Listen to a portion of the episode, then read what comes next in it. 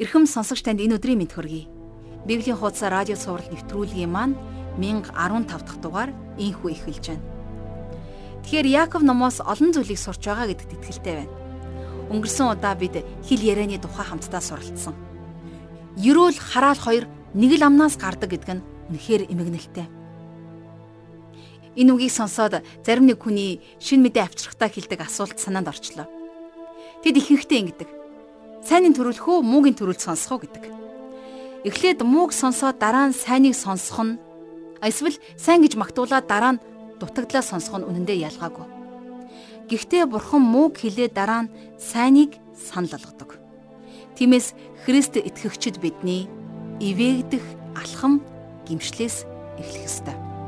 Сонсогч та үг хэлээрэ хин нэгний амьдралыг урамгүй болгосон бол Бурхны өмнө ирж тэр хүнээс уучлалт гуйх боломжийг өгөөч гэж заавал залбираарай. Ингээд хамтдаа шинэ хичээлдээ орцгоё. Бид өнөөдөр Яаков номын 4-р бүлгийн эхний дөрвөн ишлэлийг уншиж судлах болно. Ингээд хамтдаа залбирцгаая. Бурхан Аава, таньда баярлалаа. Та биднийг ивэж, юрөөж энэ өдөр бидэнтэй хамт байгаа учраас баярлалаа Есүс. Бид таны үгээр дамжуулан өөрсдийнхөө байгаа бодит байдлыг олж харахыг хүсэж байна бас бид таны үгээр дамжуулан таныг улам илүүгээр таньж мэдхийг хүсэж байна. Энэ цагийг эхнээс нь дуусах хүртэл та ариун сүнсээрээ удирдаарай. Өдөр болгон таны үгээр амьдрахын тулд бидний дотор таны үг дүүрэн байх болтугай. Бүх зүйлийг танд өргөж бидний их эзэн Есүс Христийн нэрээр залбирanгуйж байна. Амен. Ингээд хамтдаа жаргал агшиг хичээлд анхаарлаа хандуулъя. За өнөөдрийнхөө хичээлээр хамтдаа Яаков номынхон 4-р бүлгийг эхлүүлье. За энэ дөрөвдүгээр бүлэг дээр Яаков хэд хэдэн маш чухал асуултанд хариулт өгсөн байна. За тухайлах юм бол дэлхийлэг байдал гэж яг юу юм бэ? За Христэд итгэгч хүн диаволыг яаж эсэргүүцдэг байх вэ? Хүний амьдрал яг ямар мөн чанартай юм бэ гэсэн нийтлэг асуултуудад Яаков хариулт өгнө. А гэхдээ мэдээж энэ бүх асуултын хариулт эргээд дэлхийлэг байдал гэсэн сэдвтэй холбогдсон байна. Тэгэхээр дэлхийлэг байдал гэж яг юу юм бэ? Энэ асуултанд итгэж бид нэр магадгүй өөрөө өөрсдийнхөө хариулах д. Зарим нь энэ бол бид нар ямар байдлаар зугаацаж цэнгэж байна вэ гэдэгтэй холбоотой гэж хариулах байх. Ямар кино үзэж ямар газараар орж байна, бүжгэлж байна уу үгүй юу? Идэж ууж байна уу гэдгийг дэлхийлэг байдал гэж хэлнэ гэж зарим нь хариулах байх. А гэхдээ Якоб бол ингэж хариулаагүй. А зарим хүмүүс магадгүй ямар хүмүүстэй нийлж нөхөрлөж байгаагаар нь хүнийг дэлхийлэг байдалд автсан хүн үү мөн үү гэдгийг мэднэ гэж хариулах баг. Итгэгч биш дэлхийлэг хүмүүстэй хамт байгаад байх юм бол тэр хүнийг дэлхийлэг байдалд автсан хүн гэж хэлэх байхаа гэж бодож байгаа бол за бас хараахан үгүй юм а. Яаков ингэж хэлээгүй. За бидний хэлж ярьж байгаатай холбоотой байхаа гэж зарим хүмүүс бодож иж болох юм. Зөв үед нь зөв газараа бурхныг магтъя. Халелуя гэж хэлж чадаж байвал бурханлаг хүн. Буруу үг хэллэг хэрэглэн ярьж байх юм бол дэлхийлэг хүн гэж боддог хүмүүс бий. А гэхдээ энэ бол бас л зөв хариулт биш. За магадгүй зарим хүмүүс өмссөн хувцас биеэ зөв авч явж байгаа байдал зарим нь ямар ажил хийж ямар мөнгө олж байгаатай нь холбож тайлбарлах бахалт. А гэхдээ Яаковын мэрэгэн ухааныг сургуульд ингэж заагаагүй. Тэгэхээр дээрх бүх хариултууд оновчтой хариултууд биш ээ гэдгийг хэлмээр байна. Хэрвээ Яаковын их сургуулийн шалгалтын асуултанд та дээрх байдлаар хариулсан бол шалгалтандаа унах нь байна. Яагад гэвэл дээрх бүхэн өвчний шинж тэмдэг болохоос яг өвчний уул үндэс биш.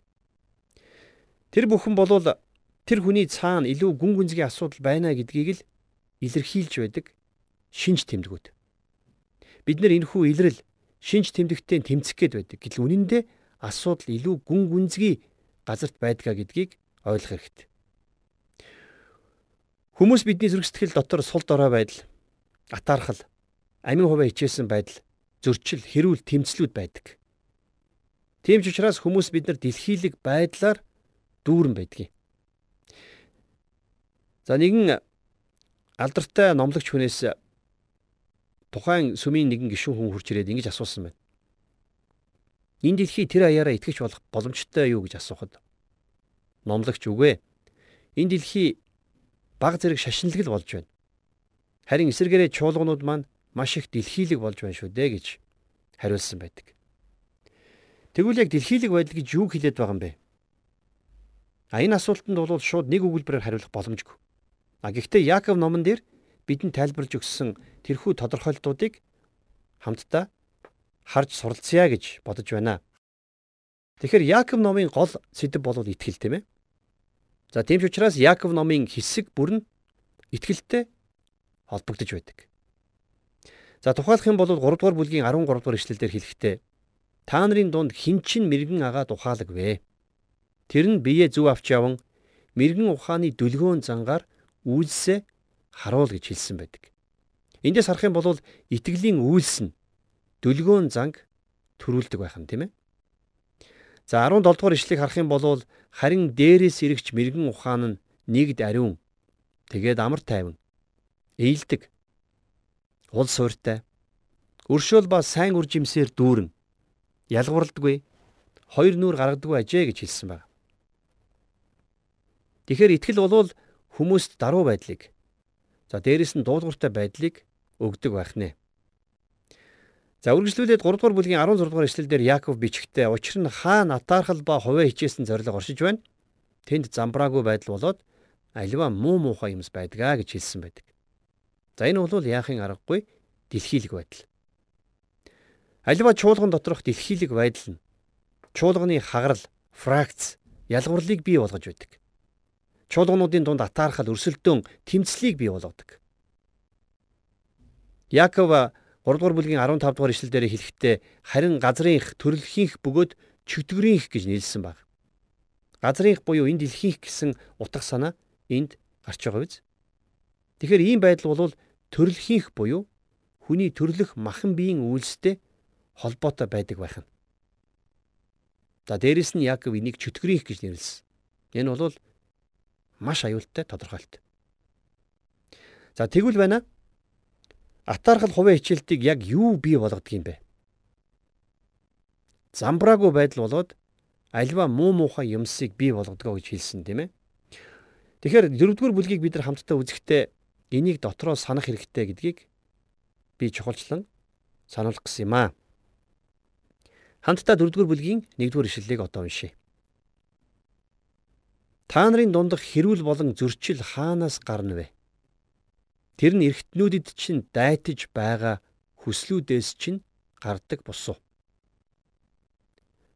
Хүмүүс бид нар маш олон зүйлийг өөрийнхөөрөө л хийхийг хүсдэг. Тийм ч учраас бид нар өөр хоорондоо зөрчилдөж маргалддаг. Тэгэхээр энд гарч байгаа эргэтнүүдэд чинь дайтаж байгаа хүслүүд гэдэг нь болохоор бидний махан биеийн хүслийг хэлж байна. Өөрт тааламжтай тийм л байдлаар шийдэх гэсэн тэрхүү хүсэл маань биднийг бусадтай үл ойлголцоход за улмаар хэрүүл маргаанд хүргэдэг. Иннээс болоод хэрүүл зөрчил тэмцлүүд бий болж байдаг тийм ээ. Үргэлжлүүлээд 2 дугаар ишлэлдэр Яаков та нар шундаг бөгөөд та нарт байхгүй болохоор нь хүн алдаг. Та нар атаархдаг бөгөөд олж авч чаддаггүй. Тиймээс та нар тэмцэлдэж хэрэлддэг. Та нар гуйдаггүй учраас та нарт байдаггүй. За Яаков энд нэггээ зүйлийг маш тодорхой хэлсэн байна. Юу вэ гэхээр хуваа хичээсэн, амиа бодсон тэр үзэл нь биднийг тэмцэл тулаан руу хөтөлж байдгаа гэдгийг. Тэгэхээр хэрүүл тэмцэл гэдэг бол дэлхийлэг чанар болохоос бурханлаг чанар биш. Христэд итгэгч бид нар асуудалд ингэж хандаж болохгүй. Энэ бол та бидний хуучин мөн чанарыг илэрхийлсэн илэрхийлэл шүү дээ. Энэ бол та бидний хуучин хүн. Харин бид нэр итгэгч болсон.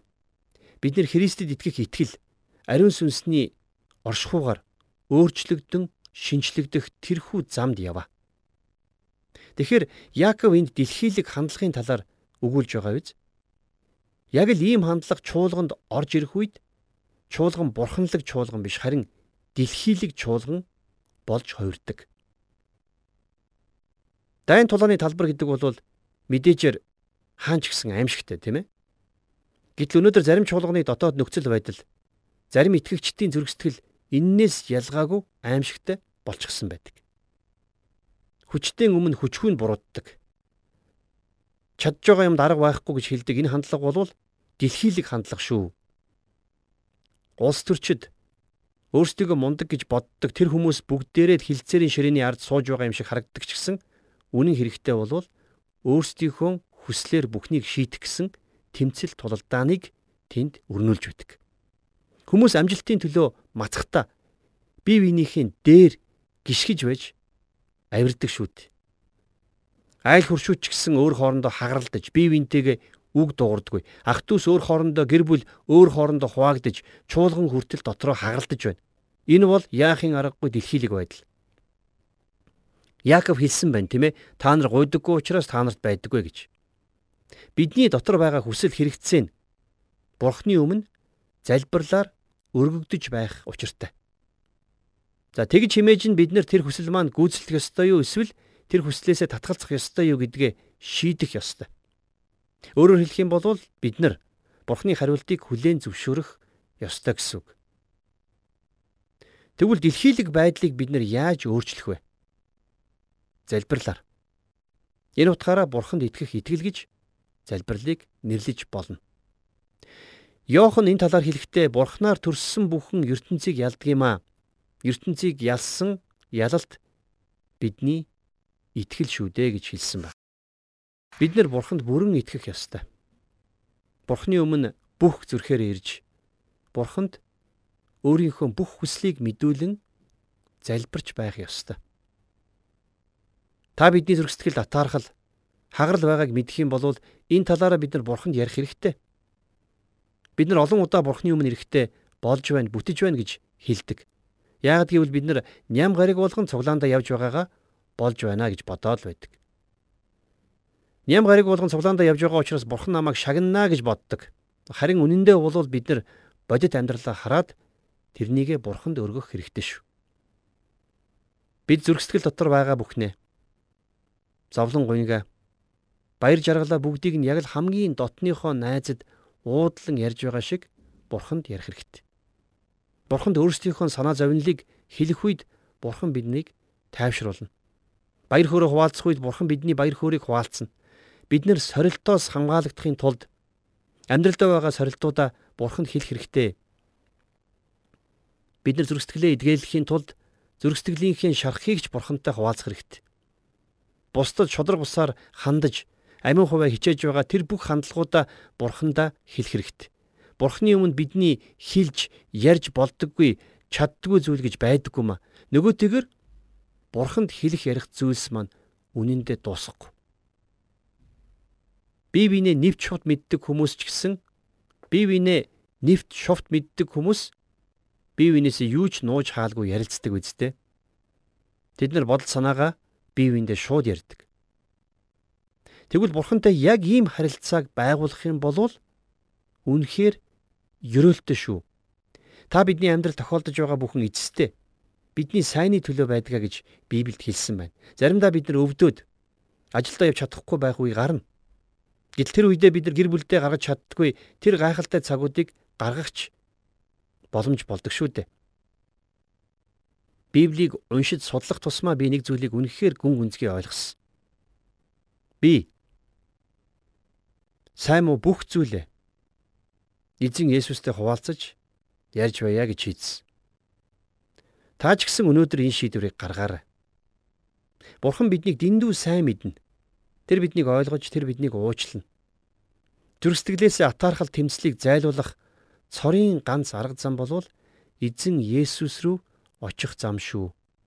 Та бидэнд ямар нэгэн сэтгэл зүйч хэрэггүй.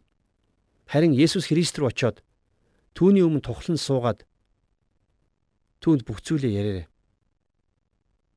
Бид нар яг ийм зорилгоор залбирах хэрэгтэй гэж Яаков хэлсэн байна. Харамсалтай нь бид нар залбирахдаа ихэвчлэн өөрийнхөө аминчхан хүслийн төлөө л товчхон залбирдаг шүү дээ. За 3 дугаар ишлэл. Та нар гуйгаад хүлээн авдаггүй. Учир нь та нар өөрсдийн тааламжид зарцуулах хэмээн буруугаар гуйдаг байна. Бид нар Бурханаас Бурхны хүслийг залбирахын оронд өөрийнхөө хүслийг тулгаж залбирах гад байдаг. За энэ тухай Яаков хэлсэн байна, тийм ээ. Дөрөвдүгээр ишлэл дээр завхаа имсээ. Ертөнцтэй найзлах нь бурхны эсрэг дайсагнал гэдгийг та нар мэдэхгүй гэж юу? Тэгэхээр хорвоотой холбоотой хэн боловч өөрийгөө бурхны дайсан болгож байгаа юм аа.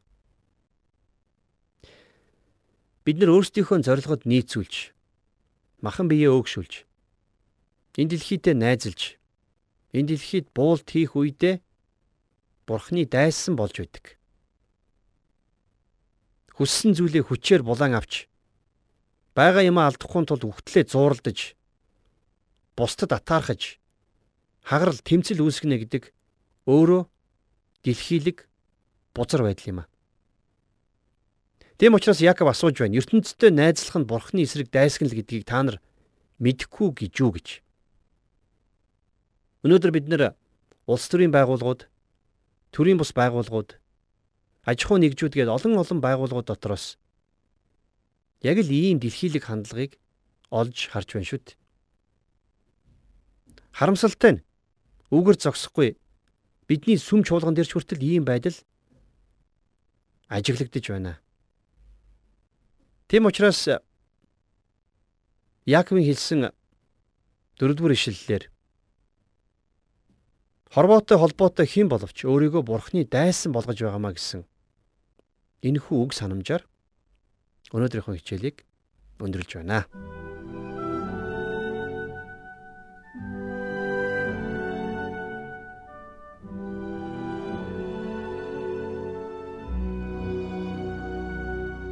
Тэгэхээр өнөөдөр бид хамтдаа Яаков номын 4-р бүлгийн эхний дөрвөн ишлэлийг уншиж судаллаа.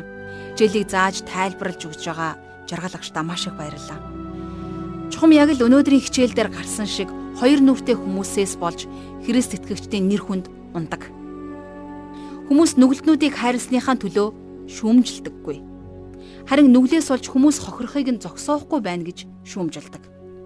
Харин бид Библийн хуудасаар хичээлээр Ром номыг судалж явах үедээ Бурхны дэвчээрийн хязгаарыг сорих хэрэггүй гэж үздсэн шүү дээ. Үнэн дээр Бурхан хоёр нүртнүүдийг хизээ зогсоож, хизээ ичээхээ мэддэг. Тэднээс болж хохирч байгаа хүмүүст дэвчээрийг өгч, тэднийг хэрхэн ивэж, хүчрхэг болгохоо ч гэсэн мэддэг.